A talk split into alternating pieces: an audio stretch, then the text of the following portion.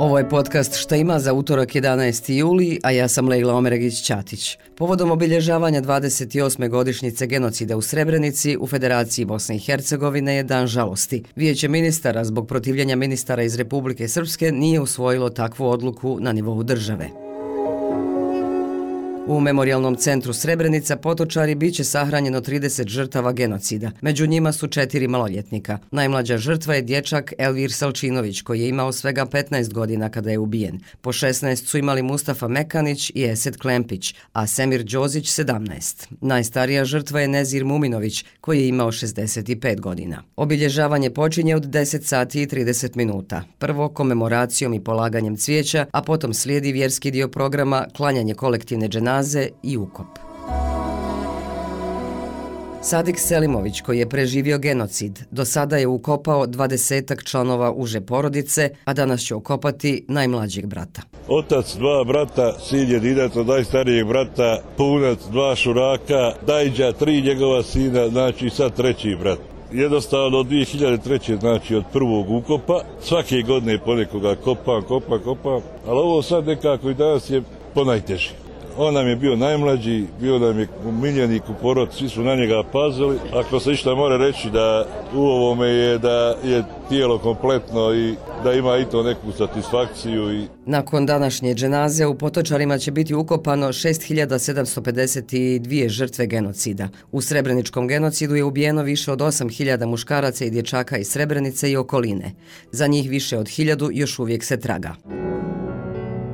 Valentina Gagić je 95. sa svoje 22. u Srebrenicu doselila kao majka jednogodišnjeg dječaka izbjeglica u spletu ratnih okolnosti. A iste te godine je Bekir Halilović imao 18 mjeseci i u naramku napustio Srebrenicu, u kojoj je ubijen njegov otac i sahranjen na prvoj kolektivnoj dženazi 2003. Njih dvoje vode udruženje Adopt Srebrenica koje čuva vrijednosti zajedništva i sjećanja na ovaj grad od prije rata, a najviše kroz dokumentacioni centar. Njihove lične priče i nastojanja da se u Srebrenici da šansa mladima i životu promijeni narativ u društvu i u političkom diskursu, poslušajte u podcastu Radija Slobodna Evropa za viri ispod površine. Evo šta je za pokretanje dokumentacionog centra bio Bekirov lični motiv. Ja zapravo nijam nikakvo sjećanje na svog oca vrlo često volim kazati, čudne su nekad naše sreće, konkretno na Srebrenicu. Ja imam tu sreću da je zahvaljujući mojoj neni koja je uspjela sačuvati dvije fotografije mog oca, ja znam kako on izgledao nekad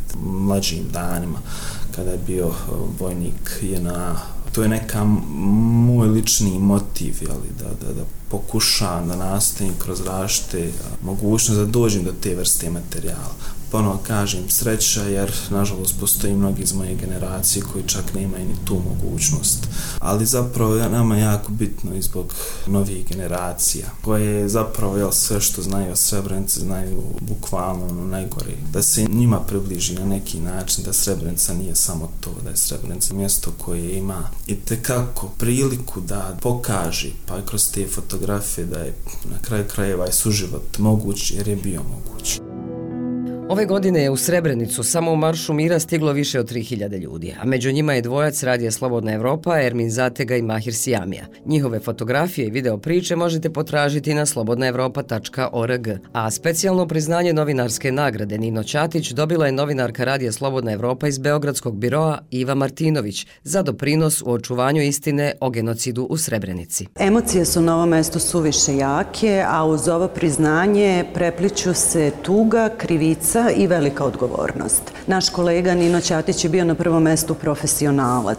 U svom posljednjem izveštaju on hiruški precizno raspliče sliku strahota koje se dešavaju u njegovom gradu uz upozorenje na ono što će uslediti koje niko nije želeo da čuje. Upozorenje na ono što se desilo i što se desilo koje u Srbiji tri decenije kasnije redki žele da čuju. Ja mislim da je naš zadatak da ga svaki dan iznova pažljivo slušamo kako se više nikada ne bi ponovilo.